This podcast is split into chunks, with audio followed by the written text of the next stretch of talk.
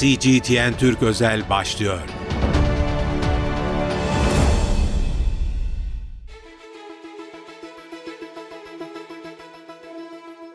CGTN Türk özel yayınından merhaba. Ben İlkay Akkaya.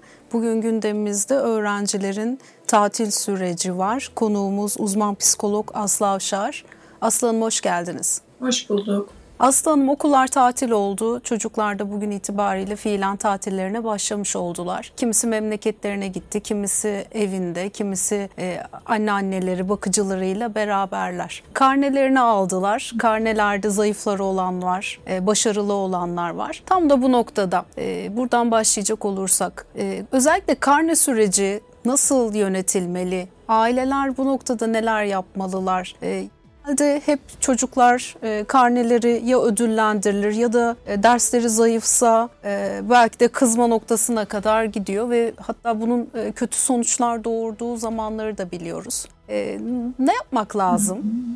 Aslında şimdi hani biraz empati kurmak lazım çocuklar e, açısından. Şimdi bu çocuklar sabahın e, çok erken saatlerinde okula gidiyorlar. Orada bir süreç geçiriyorlar. Belki her öğretmeni e, çok ideal değil. E, bir zorlanmalar yaşıyorlar. Bir kere zaten karne gününe gelmeden bu çocuk o süreç içinde bir empati kur. Sonra da tatile giriyor. Tatilde çocuğu hala işte ders çalışmaya, bak şunların zayıf gelmiş durumda yaptırmaya devam ediyor. Yani. Halbuki tatili tatil gibi yaşamak değil mi? Yani oyun oynamak lazım.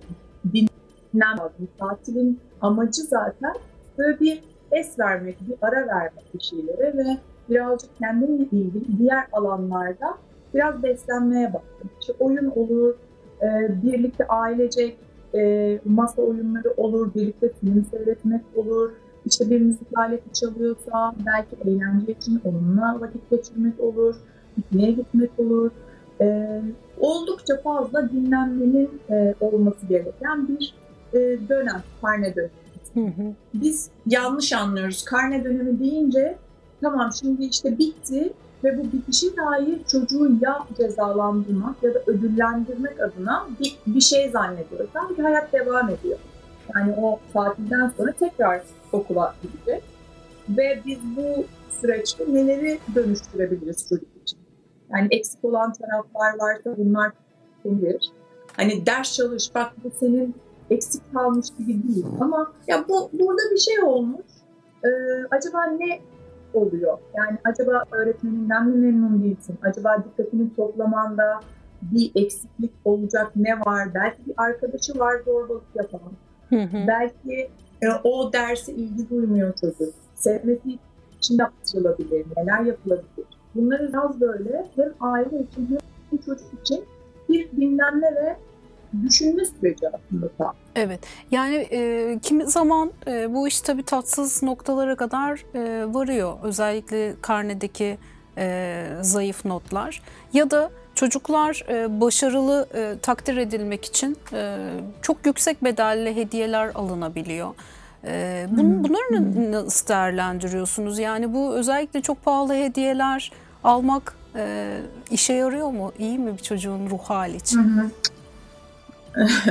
ya aslında ben de bu konuya e, gelecektim ama ondan önce hani belki e, şeyi söylemek lazım. Biz hediyeyi neden alıyoruz çocuğa? Hmm. E, o hediye hani değerinden önce biz bir şey alıyoruz ve aslında çocuk burada şöyle bir mesaj mı alıyor? Evet ben işte e, iyi notlar aldım ve bu yüzden bana bu hediye alındı gibi mi bakıyor ya da öyle mi bakmalı? Yoksa şöyle mi yapabiliriz? Sen bu dönem e, başarılı ya da başarılı ya da e, ortalama bir öğrenci de olabilir. E, bir şeyler için uğraştın ve ben senin bu uğraşını ödüllendiriyorum. Beş alman, dört almanı değil.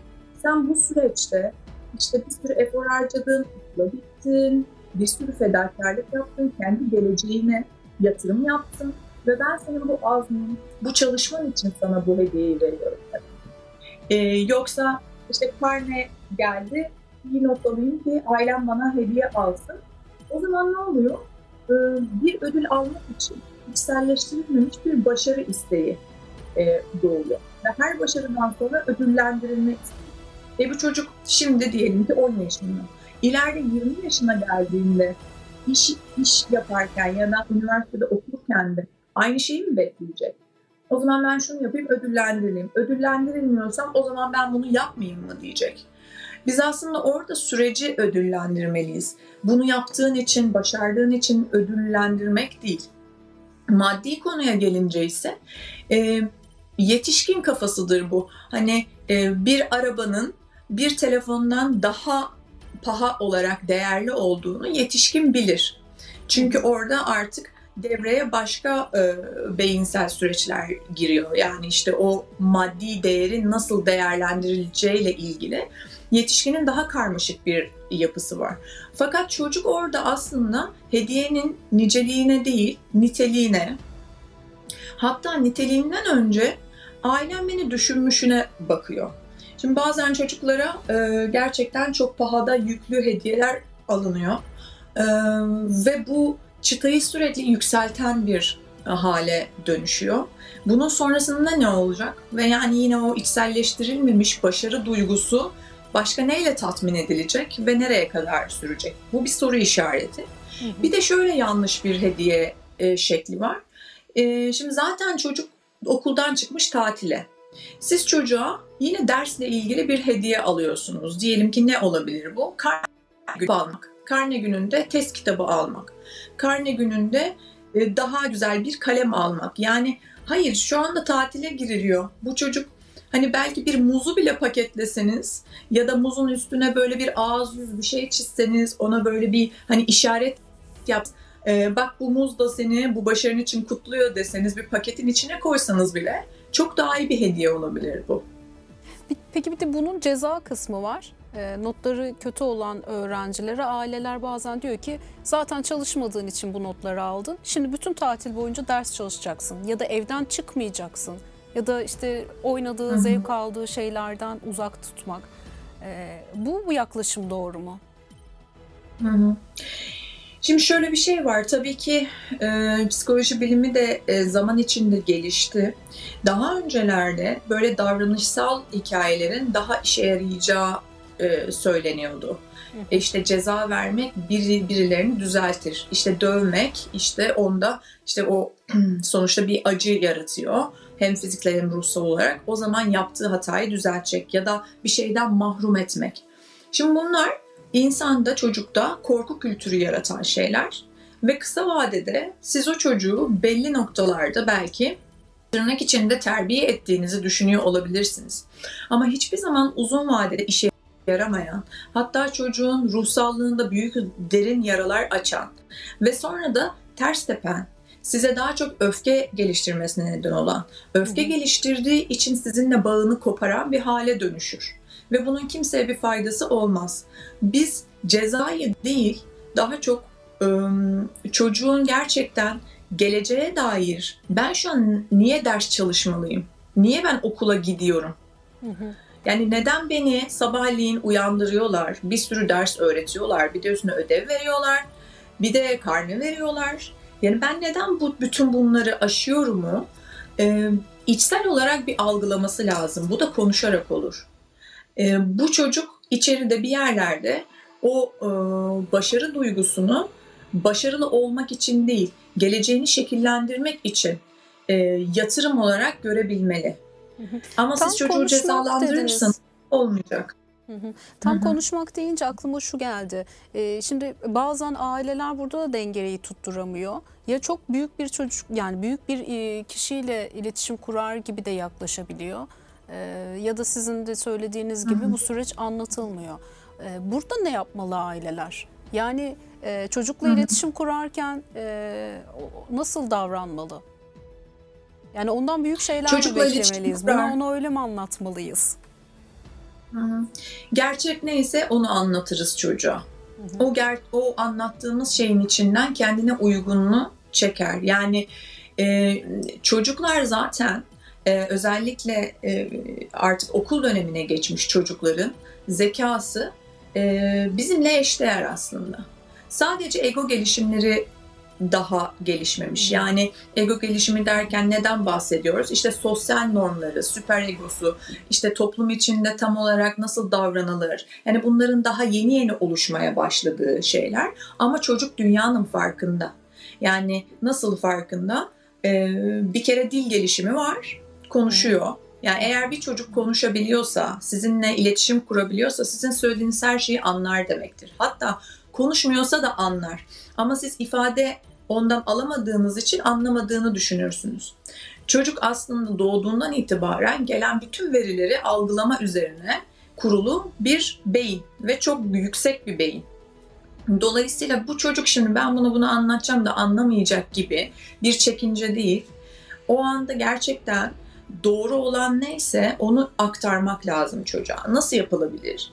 Ee, mesela bunu bir amaçsızlık hani böyle dedim ya demin gelip gidiyor çocuk ne yaptı belli hani böyle kurulmuş araba gibi e, tam böyle olması gerekiyor ve böyle yapıyor değil. Bu çocuk arada bir isyan da edebilir. Ben ne yapıyorum? Niye gidiyorum?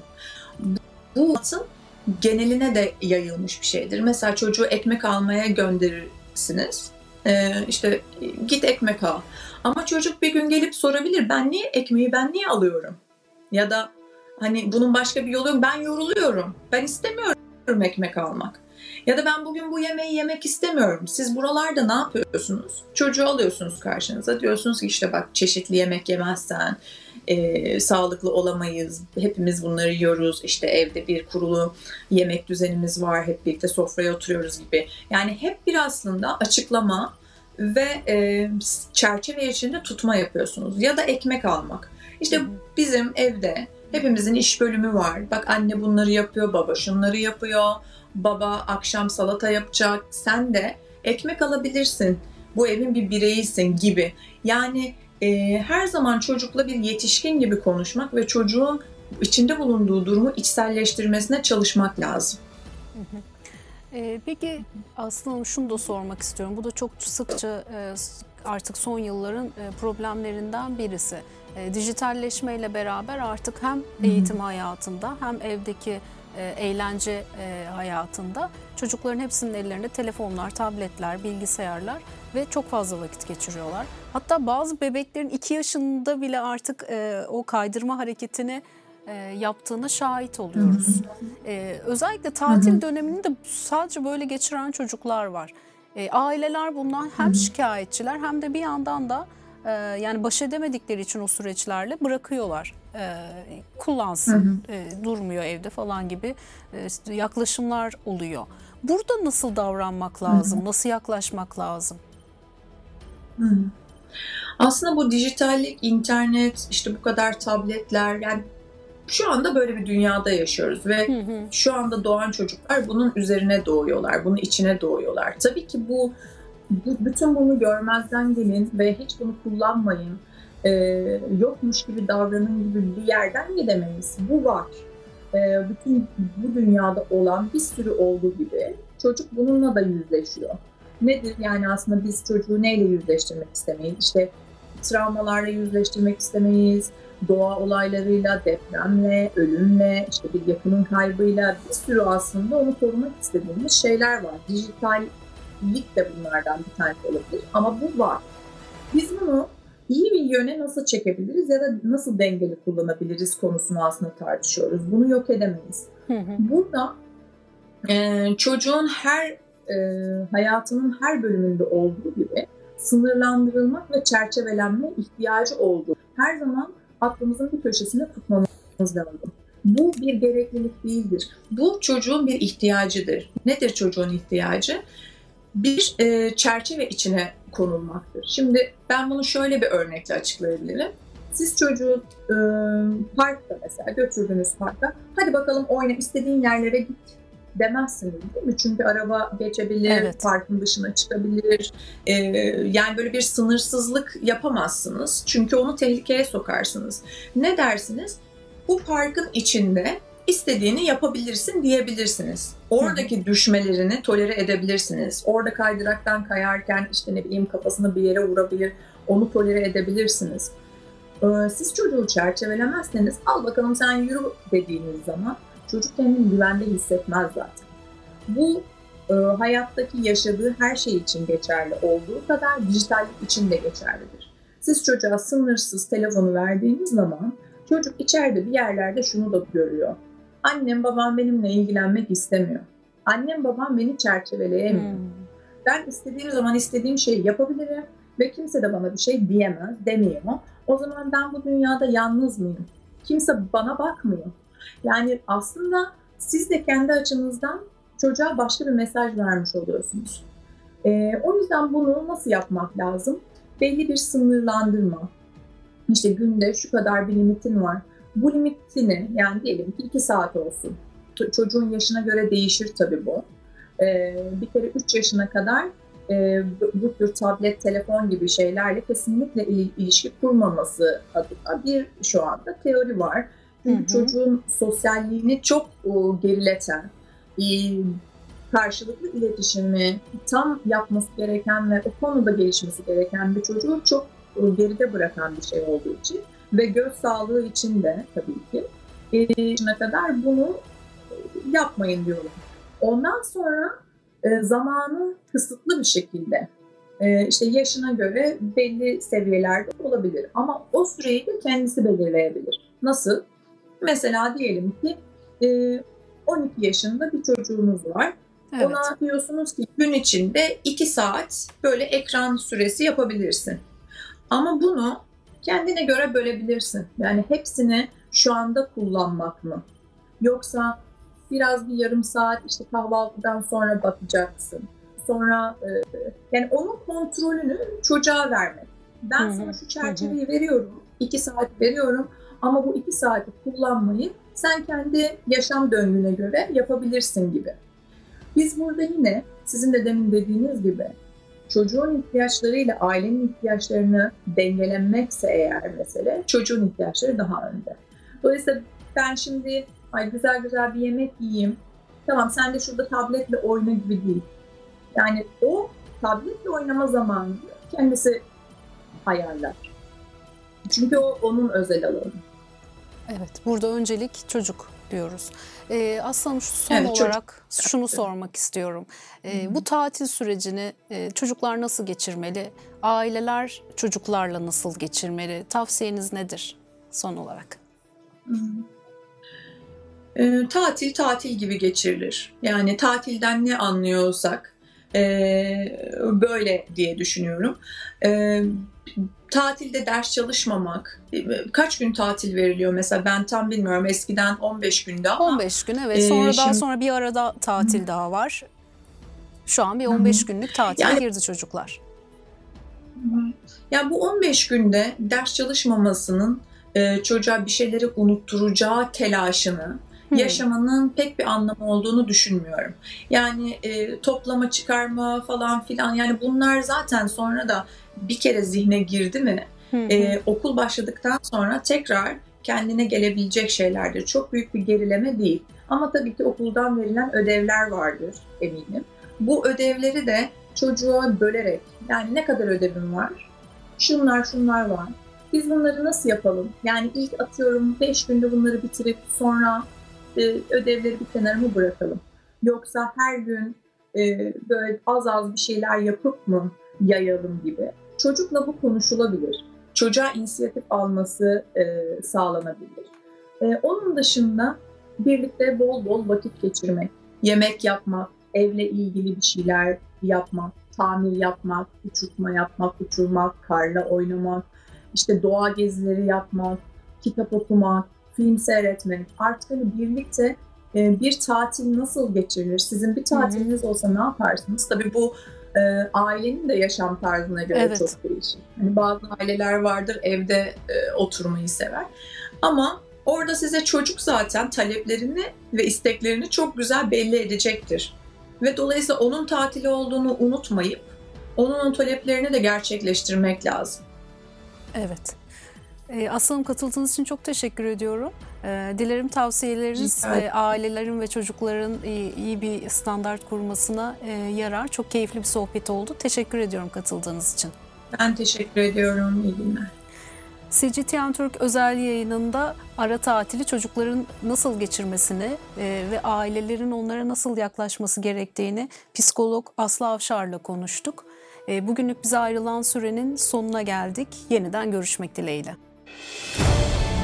CGTN Türk özel sona erdi.